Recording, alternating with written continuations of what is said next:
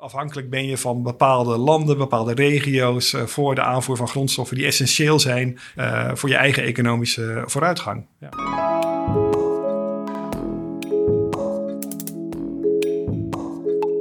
Mijn naam is Deborah Sumter. In deze podcast ga ik in gesprek met wetenschappers. Ik wil weten waar ze mee bezig zijn en hoe hun onderzoek de samenleving raakt. Wat is de link met de echte wereld? Het gaat niet alleen maar over het bouwen van nieuwe mijnen. Het gaat ook over het zorgvuldig omgaan met grondstoffen uh, wanneer ze in de economie zijn, zodat ze niet meer meteen verdwijnen in het afval. Je luistert naar Uit de Ivoren Toren.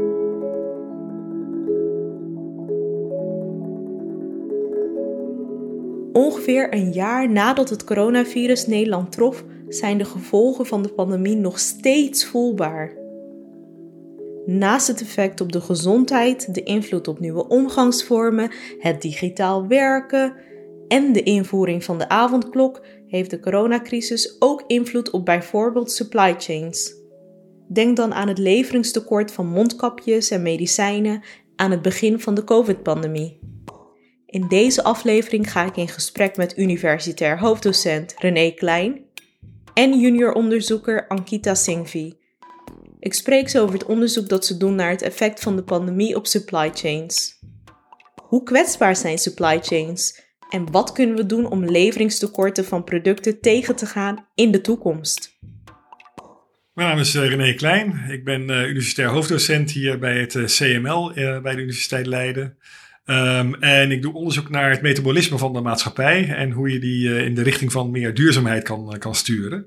En het metabolisme van de maatschappij moet je eigenlijk zien zoals een uh, arts kijkt naar het metabolisme van zijn patiënt. Kijken wij als industrieel ecologen, zoals we onszelf noemen, naar het metabolisme van de maatschappij. En recent is mijn onderzoek vooral gericht op de materialen en de grondstoffen die we nodig hebben voor de energietransitie. So my name is Ankita Singhvi. I'm a researcher at the Environmental Institute in Leiden as well. In deze aflevering doen we het net even iets anders dan je van ons gewend bent. Onze gast Ankita verstaat Nederlands, maar zal in het Engels antwoorden omdat ze zich hier net wat vrijer in voelt. I work within the Circular Industries Hub for Center for Sustainability, looking into global supply chains and what the effects of COVID-19 have been on them. In deze aflevering zal vaak het woord supply chain voorbij komen. Maar wat bedoelen we nou eigenlijk wanneer we het hebben over supply chains? Oké. Okay. Um, we praten in deze context natuurlijk heel veel over supply chains, uh, toevoerketens. Um, en dat betekent eigenlijk dat je, als je kijkt naar hoe een product wordt gemaakt, dan zie je dat heel veel van de onderdelen van die producten en daar weer de materialen die gebruikt worden voor die onderdelen en de, de grondstoffen die gebruikt worden om de materialen te maken voor die onderdelen, zeg maar, dat is een hele keten eigenlijk van, uh, van bedrijven. En dat kan over de hele wereld verspreid zijn. Als je bijvoorbeeld kijkt naar de magneten die in, in windmolens worden gebruikt, dan zie je dat uh, de grondstoffen grondstoffen eh, worden vaak eh, eh, gewonnen in, in, in een land als China. Um, um, maar ook in andere landen, zoals in Australië en in de Verenigde Staten. Maar als je dan kijkt naar de productie van de magneten zelf, dan zie je dat dat eigenlijk nog meer geconcentreerd is in China. Dat uh, 90% of meer van die magneten eigenlijk in China worden geproduceerd. En die zijn belangrijk voor onze windmolens, maar ook voor onze elektrische auto's. En het is ook belangrijk om een beeld te hebben van hoe die toevoerketens, die supply chains in elkaar zitten. En wat voor bijvoorbeeld een een ander materiaal wat belangrijk is voor ons, kobalt. Uh, dat zit in onze batterijen van de elektrische auto's. Nou, 60% daarvan komt uit de DRC, de Democratic Republic of Congo. Uh, maar uh, iets van 80% van de refining zit eigenlijk in China. Um, dus daar kan je ook zien hoe belangrijk China dan eigenlijk is in, in, in die, als spin in het web eigenlijk in heel veel van die toevoerketens. Um, en ja, daarom is het belangrijk om, om een beeld te hebben van wie zijn nou, waar komen de grondstoffen vandaan, wie zijn de belangrijke operators van die mijnen, wie zijn de aandeelhouders van die mijnen, uh, welke producten worden daarvan gemaakt of onderdelen worden daarvan gemaakt, waar worden die gemaakt uh, en wie zijn daar uh, degene die invloed hebben. En op die manier kan je een beeld krijgen van ja, hoe. Um, veerkrachtig is zo'n toevoerketen nou eigenlijk? En waar kunnen problemen ontstaan als er iets zou kunnen gebeuren? Mooi voorbeeld trouwens. Um, ja, ik weet niet of dat hier past, maar is uh, dat we uh, in het verleden waren natuurlijk ontzettend afhankelijk van harde schijven in je computer. Uh, nou, die harde schijven werden voor een groot deel allemaal geproduceerd ten noorden van Bangkok in Thailand. en op een gegeven moment was daar een grote overstroming. En wat je toen merkte is dat ja, de hele wereldmarkt eigenlijk op zijn gat lag. Feitelijk omdat er geen harde schijven meer werden geproduceerd. Dus daar kun je zien dat iets heel simpels, zoiets, of een haven in Afrika waardoor heel veel grondstoffen naar een buitenland gaan bijvoorbeeld, dat dat allemaal ja, um, kwetsbare stukjes zijn zeg maar, van zo'n aanvoerketen. En daarmee kan je dus ook zien ja, hoe veerkrachtig, hoe, hoe, hoe kwetsbaar of hoe weinig kwetsbaar is zo'n toevoerketen. Dat is belangrijk om te weten als bedrijf natuurlijk, maar ook als land. René en Ankita dragen beide een mondkapje. Ik ben benieuwd of ze me kunnen vertellen hoe de supply chain van hun mondmaskers eruit ziet. Nou, eh, eh, deze is eigenlijk dat wel. Uh, um, deze heb ik veel later gekocht. Eigenlijk in het begin, toen ik net dacht van nou, ik wil wel een mondkapje hebben. Toen waren die inderdaad nergens meer te krijgen. Toen moest je naar dubieuze Chinese websites om überhaupt een, mondkapje te kunnen bestellen. Um, ik denk dat het, wat ik al interessant vond trouwens, is dat het niet heel lang duurde. Het duurde echt nou, misschien een paar weken of een maand of zo voordat ze uh, bij de Action en het Kruidvat uh, overal te krijgen waren. Um, maar um, in het begin, toen, toen dat mondkapjes-idee eigenlijk opkwam, nadat er natuurlijk eerst altijd werd gezegd dat mondkapjes eigenlijk geen zin hadden, um, toen was het heel moeilijk om daar aan te komen, inderdaad. En ik denk dat ze, ja, ik denk dat ze vrijwel allemaal in China gemaakt zijn, eerlijk gezegd. Ik weet niet eens, ik sta het erop, ik zal eens kijken. Deze. Er niet op. Yeah, I find it so for me getting a mask was kind of or looking back at when I was buying my first bunch of masks, I bought these disposable ones because I was still in this mindset that this was a very temporary situation. It didn't make sense to invest in a nice mask. I would just use them for a while in a few weeks. You know, we would be moving on. and looking back, this is of course now a ridiculous thought. Um, but when I did get sort of a permanent mask that's made out of textile, I got it from a friend and it's actually made by her in The Hague. So, funnily enough, a very local mask, although, of course, the cotton and the textile probably comes from India or somewhere else. Um, I, find it, I find it quite nice that it was made very nearby where I live. Het mondkapje van Ankita heeft een op het eerste gezicht lokale herkomst. Zelf gemaakt door een vriendin uit Den Haag. Ze merkt terecht op dat het katoen en textiel waarschijnlijk van ver weg komen, mogelijk uit India. Wat heeft de coronacrisis eigenlijk laten zien over de toelevering van producten en materialen van buiten Europa? Over the last year or so, as COVID 19 hit, it's had a lot of implications for global supply chains.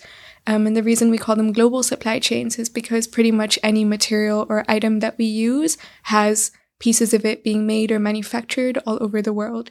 Um, and as goods and people stopped moving across borders to, in order to hold the pandemic in place, this also had implications for these supply chains. And so the movement of goods um, either stopped or was restric- restricted or disrupted over time. Um, so we already knew that supply chains were long and sort of scrawled out through many countries.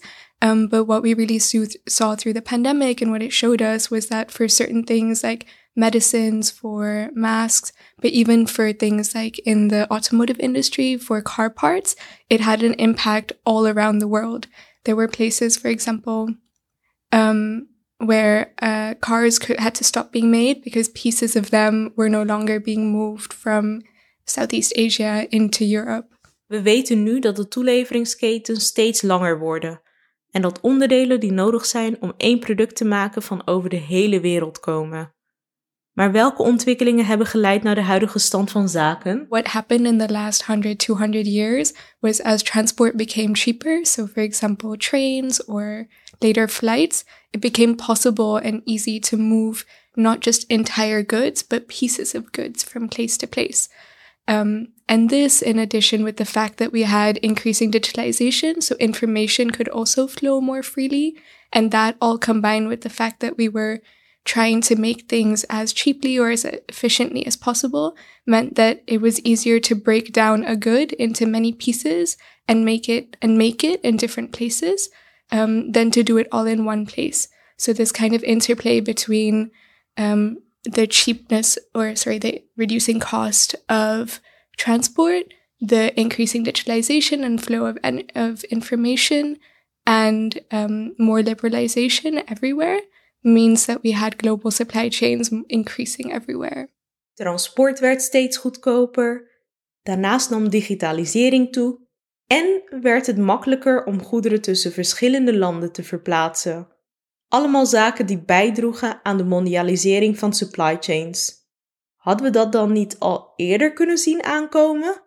Ja, ik denk dat je in het verleden wel hebt kunnen zien dat er allerlei momenten zijn geweest waarin er uh, schaarste optrad van bepaalde grondstoffen bijvoorbeeld. Nou, de oliecrisis in de jaren 70 is een heel belangrijk voorbeeld natuurlijk, waar je kan zien als je uh, ja, als, uh, in, in dit geval als westerse landen heel erg afhankelijk bent van een paar olie-exporterende landen, dat het natuurlijk ook een enorm machtsmiddel is. En dat is op die manier ook gebruikt in die, in die tijd. Um, en dat, ja, dat, dat doet je dus nadenken over hoe je supply chains in elkaar zitten. Uh, moet je niet uh, diversificeren als het gaat om uh, waar je je spullen vandaan haalt, et cetera.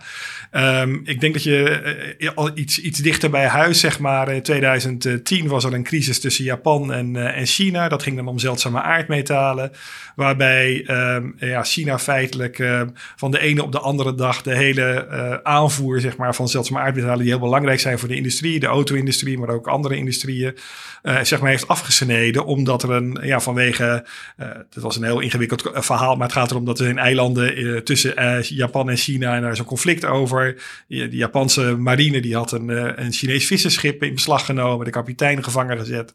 En daarna, ja, van de een op de andere dag stopte die stroom van belangrijke grondstoffen voor Japan. Nou, daar zie je dus ook dat het, ze noemen dat dan in het Engels mooi weaponizing resources. En waarbij dus inderdaad zegt ja, hier worden die, die grondstoffen echt, echt gebruikt. En daar ja, op dat moment is het ook wel zo geweest dat heel veel uh, de ogen open zijn gegaan van heel veel overheden in de wereld van ja, die afhankelijkheid. Hè, security of supply is dan een term die vaak gebruikt wordt van hoe afhankelijk ben je van bepaalde landen, bepaalde regio's uh, voor de aanvoer van grondstoffen die essentieel zijn. Critical materials worden die vaak genoemd, uh, die essentieel zijn voor je, voor je eigen economische vooruitgang. Nou ja, ik, ik, ik, denk dat je dat in die, in die coronacrisis natuurlijk heel direct uh, hebt gezien. Uh, ik bedoel, daar is het natuurlijk helder dat, je, dat, dat we ineens erachter kwamen dat we iets simpels als een, uh, als een mondmasker en een gezichtsmasker niet, niet in Nederland konden maken. Althans, dat konden we wel, maar dat deden we niet. Dus op dat moment waren we afhankelijk van, van ja, de productie in het, in het buitenland. Um, een ander mooi voorbeeld, denk ik, want het gaat niet alleen over de afhankelijkheid. Het gaat ook over gewoon hoe die wereldeconomie verweven is. Hoe die productieketens met elkaar verweven zijn. En, en een van de mooiste voorbeelden die ik hoorde was dat er op een gegeven moment een interview was met een uh, Nederlandse uh, directeur van een uh, Philips bedrijf in Amerika. Die daar beademingsapparaten maakte.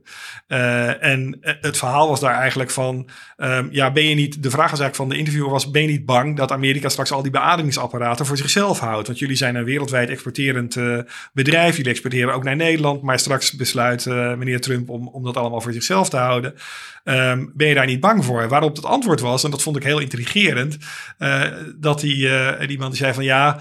Um, uh, dat kan wel zo zijn. Dat zou, dat, zou de Amerikaanse overheid wel kunnen besluiten. Maar dan vergeten ze even dat wij totaal afhankelijk zijn van allerlei onderdelen die van over de hele, hele wereld komen. En ook nog eens een keer, daar zitten weer grondstoffen aan vast die over de hele wereld worden uh, uit mijnen komen. Dus je kan, niet, je kan het wel zeggen, maar dat is van hele korte duur. Want dan kunnen wij binnen de kortste keren niet meer produceren. Dus daar zie je eigenlijk ja, die verwevenheid zeg maar, in die productieketens, die is enorm op dit moment. In een briefadvies concludeert de SER dat in tekortsituaties reshoring kan leiden tot robuustere ketens. Wat is reshoring eigenlijk? So, reshoring is basically the movement of different parts of the supply chain back into one country or region. So, for example, uh, the manufacturing of a component within a computer could be brought back into a different country. So, for example, the Netherlands to be done here. And this decision to bring it back into one country is reshoring or repatriation. Um, and this, of course, can be done at the beginning of a supply chain, so in the creation of a good, but it can also be done at the end of a supply chain. So, for example, if an item has already reached the end of its use, um, and you want to take out the materials from it and reuse them in a different way, so following the concepts of circular economy, then this could also be seen as a way of reshoring materials back into a region. Reshoring gaat om het terughalen van de maak- en hergebruikindustrie naar het eigen land. Hoe realistisch is het toepassen van deze strategie?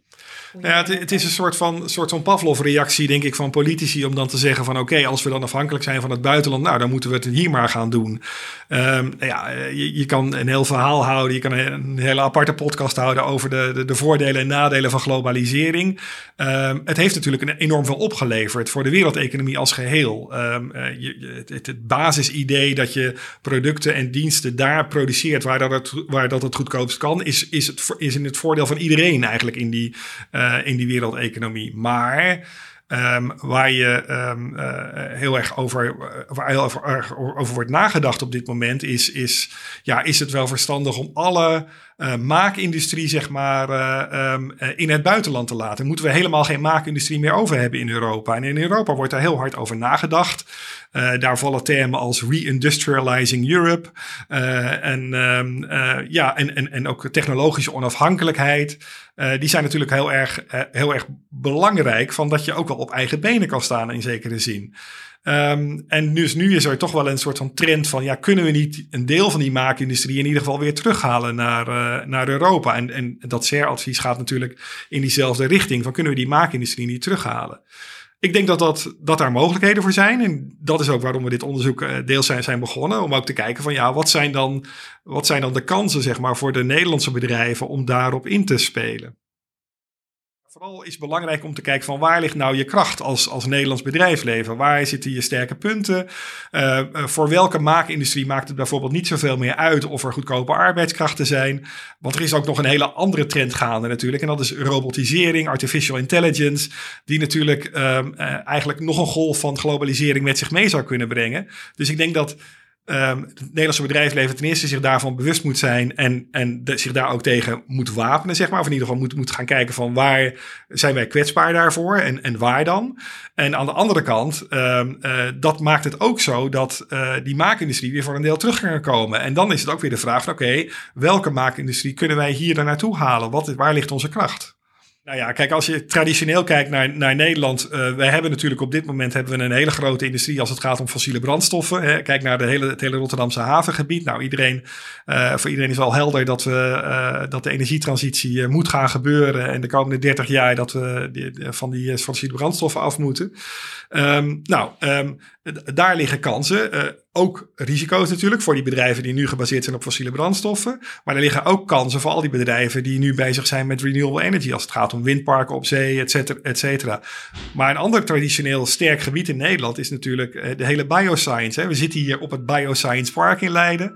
Met allemaal bedrijven die, hè, Janssen, uh, die, die, Johnson Johnson die hier het, het vaccin maakt bijvoorbeeld. Um, andere bedrijven die, die andere vaccins maken technologieontwikkeling op dat gebied. Dus je moet op een gegeven moment ook kijken van waar ligt je kracht. En um, kan je dan uh, niet alleen maar de kennis hier hebben, maar ook die maakindustrie die daaraan vastzit. Welke strategieën kunnen we nog meer inzetten om er zeker van te zijn dat we genoeg grondstoffen hebben in de toekomst? Ja, het is inderdaad wel, wel grappig als je denkt, nadenkt over uh, de aanvoerketens en uh, supply security. Dus, dus, dus, hoe zeker ben je van de toevoer van de grondstoffen? Dan denk je snel aan inderdaad het bouwen van nieuwe mijnen. En, en dat wordt in, in Europa dus ook gedaan. Daar wordt heel erg over nagedacht van kunnen we die grondstoffen niet hier zelf vandaan halen? Maar de grap is natuurlijk dat we heel veel grondstoffen hier hebben. Namelijk in de vorm van producten die we importeren. Want dat doen we natuurlijk wel. Dus al die grondstoffen, al die materialen zeg maar die in de producten zitten die wij gebruiken dat is natuurlijk een enorme waardevolle bron voor uh, grondstoffen in de toekomst. En daarom is het zo belangrijk om na te denken over ja, hoe kunnen we die grondstoffen daar weer uithalen? Hoe kunnen we die materialen zo goed mogelijk gebruiken? Uh, en dan kom je natuurlijk terecht bij, uh, bij, bij veel, veel ja, belangrijkere vragen, namelijk van hoe lang gaat een product eigenlijk mee? En hebben we dat product eigenlijk wel nodig? En dan kom je bij dingen terecht als het, als het ontwerp van producten. Hoe ontwerp je die? Ontwerp je die zodat ze gerepareerd kunnen worden? Of ontwerp je die zodanig dat op het moment dat ze stuk zijn, dat je ze meteen moet weggooien. En daar hoort ook bij dat je, uh, als je de producten zo ontwerpt dat je de grondstoffen er makkelijk uit kan halen, bijvoorbeeld een batterij makkelijk uit een uh, telefoon of een batterij makkelijk uit een elektrische auto, uh, dan wordt de recycling en het terugwinnen van de grondstoffen natuurlijk ook veel makkelijker. Dus dat ontwerp van die producten en, en de richtlijnen die je daarvoor hebt, en daar wordt in Europa nu echt wel over nagedacht. Um, we hebben net gisteren was er zo'n right to repair um, of, regeling zeg maar, die in Europa wordt ingevoerd. Helaas alleen voor witgoed, heb ik begrepen. Um, maar dat, dat geeft wel iets aan van dat, het, dat, dat Europa daar ook over nadenkt. Van ja, die grondstoffen die wij hier hebben in, in de producten, in de urban mine, zoals we dat dan ook wel eens mooi noemen. Um, die zijn natuurlijk ook heel belangrijk. En die kunnen ook een belangrijke bijdrage leveren aan het onafhankelijk worden van de invoer van allerlei grondstoffen. In hun onderzoek kijken René en Ankita naar verschillende manieren waarop toeleveringsketens zich in de toekomst kunnen gaan ontwikkelen. Ankita licht kort de drie belangrijkste scenario's toe. Hmm, so, within our research, what we're trying to figure out is what opportunities could lie regardless of which of these directions things take. Um, and so, we're also looking into okay, if reshoring is happening, then where does it make sense for it to happen and where not? And what are the implications of this? Is it something that's actually useful? And this is a huge question because how do you judge what is good in a supply chain? Is it based on jobs? Is it based on environmental impact? Is it based on what is happening the most within one country? And this question of how to judge it is still very much a work in progress. maar wat hebben bedrijven aan die voorspellingen over de toekomst? Bedrijven die, uh, die scenario's vaak gebruiken, is dat ze zeggen van ja, we weten niet precies hoe de wereld er over 30 jaar uitziet, maar we weten wel dat er verschillende assen zijn over welke de wereld kan bewegen. Het kan bijvoorbeeld meer nationalistisch worden of meer richting globalisering gaan. En nou, er zijn allerlei bewegingen zeg maar, die mogelijk zijn. En wat die bedrijven dan vaak proberen te doen, is dat ze overlevings een strategie kiezen, waarbij ze in, in alle uh, hoeken zeg maar, van dat veld zeg maar, kunnen overleven. Want zij, zij weten ook niet waar de uh, wereld naartoe gaat. Dus niemand heeft die, die kristallen bol natuurlijk. Um, dus dat is. Dus ik denk dat dat, dat dat vooral belangrijk is. Dat je probeert te kijken van nou, welke scenario's zijn er? En, en uh, ja, wat kunnen in dit geval ook Nederlandse bedrijven zeg maar, betekenen in die verschillende scenario's? Waar liggen de kansen? Kijk, hele grote bedrijven zijn met dit soort dingen bezig, zeg maar. Maar als je kijkt naar, naar wat kleinere bedrijven, die hebben vaak ook niet de. Uh, de mankracht en, en, en misschien ook wel niet de kennis, dat weet ik niet precies, maar dat ligt er een beetje aan, denk ik, om om dit soort grote uh, bewegingen, zeg maar, echt daarvan te, na te, daarover na te denken en te denken van wat betekent dat nou voor ons? Dus we, ik denk dat het belangrijkste doel van deze studie is om te kijken van kunnen we die bedrijven daarmee helpen? Kunnen we iets op papier zetten waar ze wat aan hebben, wat ze kunnen lezen en, en, en eens wat breder kunnen nadenken en misschien even de horizon wat te, te verleggen naar, naar wat verdere toekomst en dan te denken van oké, maar als de wereld mogelijk er over 20, 30 jaar heel anders uitziet, Um, uh, wat betekent dat voor mijn bedrijf en hoe kan ik daar um, nou, in ieder geval voorkomen dat ik in de problemen kom, maar ook wat voor nieuwe kansen vooral zijn er in die, in die nieuwe wereld. Um, en ik denk dat, ja, dat, dat, dat is iets wat, wat, wat die bedrijven, denk ik, ja, kan helpen, zeg maar, om te overleven in welke toekomst er dan ook, dan ook komt. Ja. Eurocommissaris Frans Timmermans, die zei vorig jaar: Every euro we must invest must flow into a new economy rather than old structures. Ik, ik zou ten eerste willen zeggen heer, heer. Uh, want ik ben het eigenlijk ontzettend mee eens. En, en je ziet dat nu natuurlijk ook wel bij de, uh, de nieuwe regering in de Verenigde Staten, waar ze het hebben over building back, be uh, back better. Nou, ik denk dat je nu een trend ziet naar. Um, en dat heeft COVID denk ik heel erg versterkt. Van um, we, moeten um, dingen anders gaan doen. Um, we lopen nu tegen deze crisis aan. En in die zin zou je kunnen zeggen dat de coronacrisis een soort van voorbode is van de klimaatcrisis. Je ziet nu wat er gebeurt als zo'n wereldwijde crisis om zich heen grijpt. En wat dat betekent voor, ja, gewoon, gewoon, gewoon voor iedereen eigenlijk. Nou, dat heeft mensen denk ik wel bewuster gemaakt van wat de gevolgen zouden kunnen zijn van klimaatverandering. En Um, en ook trouwens, uh, je, ziet dat nu ook weer met de, extreme weersomstandigheden in Texas bijvoorbeeld, waar duidelijk een, een, connectie heeft met klimaatverandering. Uh, ik denk dat je wat, je, uh, wat je wat je nu ziet, is dat, dat mensen zich daar veel bewuster van zijn. En dat het dus heel belangrijk is om dat geld inderdaad te stoppen in het opbouwen van een nieuwe economie die gebaseerd is op hernieuwbare brandstoffen en hernieuwbare energie eigenlijk. Dus dat inderdaad dat hele Um, uh, ja, het, het, uitbannen zeg maar, van koolstof uit onze, uh, uit onze energieleverantie uh, is denk ik heel erg belangrijk daarin. Dus ik denk dat die energietransitie hier, maar ook in de Verenigde Staten krijgt hij nu natuurlijk een boost. China heeft zich ook gecommitteerd aan zero carbon in 2060. Dus, dus op alle fronten zeg maar, gebeurt dat nu. En ik denk dat dat ja, ik, ik ben daar een enorm groot voorstander van, kan ik alleen maar zeggen eigenlijk.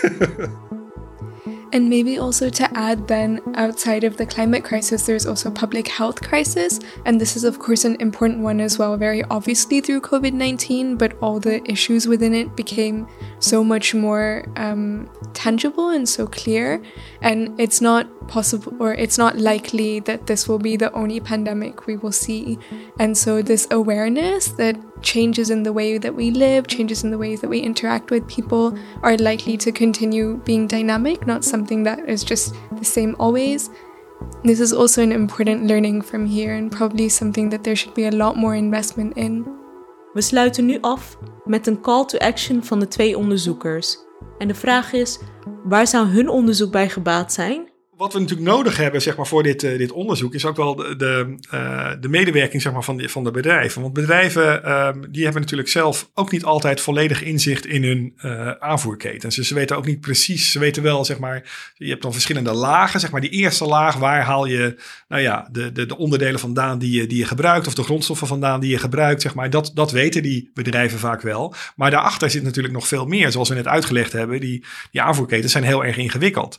Um, dus wat je in eerste instantie nodig hebt, is natuurlijk gewoon de medewerking van die bedrijven om dat eerste stukje, zeg maar, om daarachter te komen. Nou, dan kom je misschien via die toeleveranciers ook nog wel één of twee stapjes verder. Um, um, maar het is dus ook wel belangrijk om, om zeg maar breder, um, dus als bedrijven dat, dat samen gaan doen, dan krijg je natuurlijk veel meer inzicht in hoe die toeleveringsketens er uiteindelijk uitzien en waar die grondstoffen uiteindelijk vandaan komen, wat de belangrijke uh, onderdelen zijn van die, van die aanvoerketen. En waar je dan op moet letten als je uh, nadenkt over van ja, wat zijn dan de, de, de, uh, de mogelijkheden zeg maar, voor de toekomst. We, we zijn eigenlijk nog wel op zoek naar bedrijven die willen meewerken en als, als case study kunnen dienen, denk ik, in deze, in deze studie. Dus als er een bedrijf is wat, wat, wat nu luistert en zegt van goh, hier hebben wij nog nooit over nagedacht eigenlijk, of hier weten we eigenlijk maar heel weinig van, hier zouden we graag meer van willen weten. Nou, laat het ons weten. Dit was de eerste aflevering van seizoen 3 van Uit de Ivoren Toren. Het LDE Center for Sustainability bedankt René Klein en Ankita Singhvi voor hun bijdrage aan de podcast.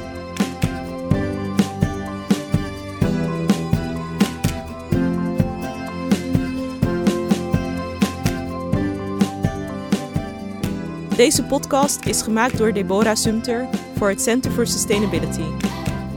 Eindproductie en sounddesign door Michiel van Poelgeest van Klank. Klank met AE. Voor meer informatie over ons of onze gasten ga je naar center-for-sustainability.nl.